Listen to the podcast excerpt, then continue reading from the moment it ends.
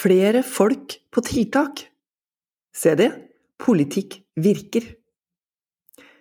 I dag er det 27. februar. Jeg heter Anne Ekornholmen og er politisk redaktør i Nasjonen, og dette her er Nasjonen på øret. For første gang på seks år blir det flere folk i nordnorske distriktskommuner. Det er en grov bom å si at det er bare flyktninger. Og så er det jo sånn at årskulla med unger ser ut til å bli mindre i tida framover. Ordstyreren på årsmøtet i hjembygda mi pekte på noen tydelige utfordringer for bygdeutviklingsprosjektet. Det var ikke en oppfordring om å gå hjem og lage flere unger, det var ment å tenne en gnist for å jobbe videre med aktiviteter og tiltak for å sikre at bygda er attraktiv for flere hjem og tilflyttere. Det blei sukka litt rundt borda i lokalet. Av erfaring veit innbyggerne i distriktene nemlig godt hva som kommer i kjølvannet av befolkningsnedgang med færre unger i barnehagen og mindre skoleklasser. Trusler om nedlegging av barneskolen. Men det kan snus.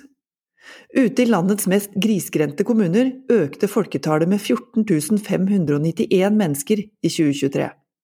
Det viser en gjennomgang redaksjonen i Nasjonen har gjort av SSB nye tall for kommunene i sentralitetsklasse 4, 5 og 6.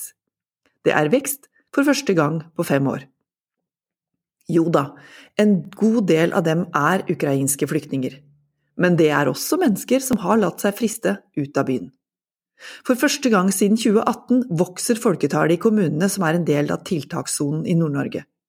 Ifølge SSB blir det flere innbyggere i 18 av 25 av disse kommunene. Også om man holder flyktningene utenom, da er det vekst i 11 av de 25 kommunene. Se det, politikk virker altså. Og bosettingspolitikken for flyktninger er en viktig del av distriktspolitikken.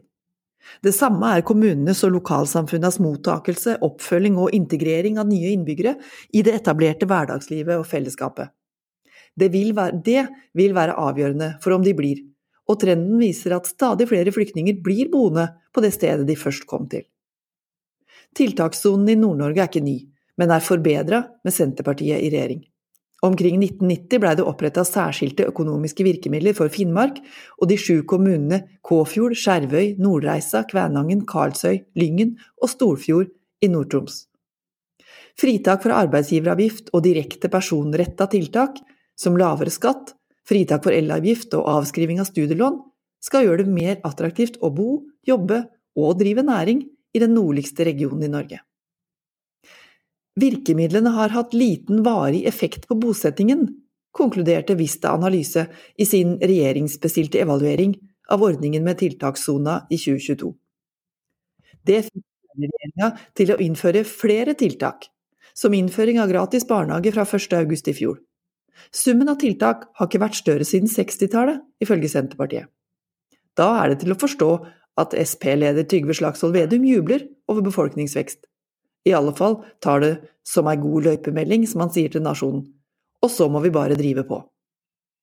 Gratis barnehage, fotruter, desentraliserte studieplasser og ikke minst ferje, den evinnelige gratis ferja, vi har hørt Vedum gjenta og gjenta det igjen. Fordi strategien selvfølgelig er at desto bedre folk husker hva som er innført og innfridd nå, desto mer vil velgerne reagere hvis en ny regjering prøver å fjerne ordningene. Folk flytter ikke til Nord-Norge for å kjøre ferje, flåser Høyres Bård Ludvig Thorheim på NRKs Politisk kvarter. Han vil heller se til Sverige, der det, som Nasjonen har omkalt i en artikkelserie, foregår en storstilt satsing på arbeidsplasser i ny, grønn kraftproduksjon. Det er løsningen for å snu befolkningstrendene, mener Thorheim. Han har rett i at det ligger store muligheter i energi- og klimaomstillinga, for det er i distriktene naturressursene ligger. Men det er altså ingen motsetning mellom å sikre arbeidsplasser og samtidig forbedre boligpolitikken, utvikle gode lokalsamfunn og sikre helt essensielle velferdstiltak som barnehage, flyruter og ferje.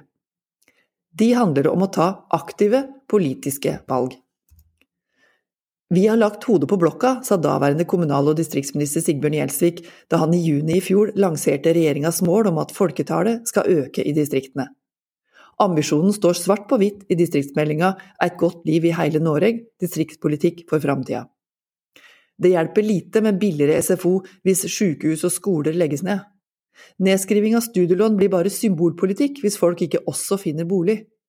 Nye arbeidsplasser lokker mindre hvis veien er rasfarlig og breibånd er fraværende. Hvis ikke distriktspolitikken altså er brei og gjennomsyrer alle politikkområder, så virker heller ikke de spisse, målretta grepa. De trenger begge deler, de som rundt i landet står og finteller små barnekull og frykter neste nedleggelse. Dette her var Nasjonen på øret. Anne Ekornholmen heter jeg, og flere kommentarer finner du opplest på lyd og kan lytte til på nasjonen.no, eller der du finner dine andre podkast. Vi høres!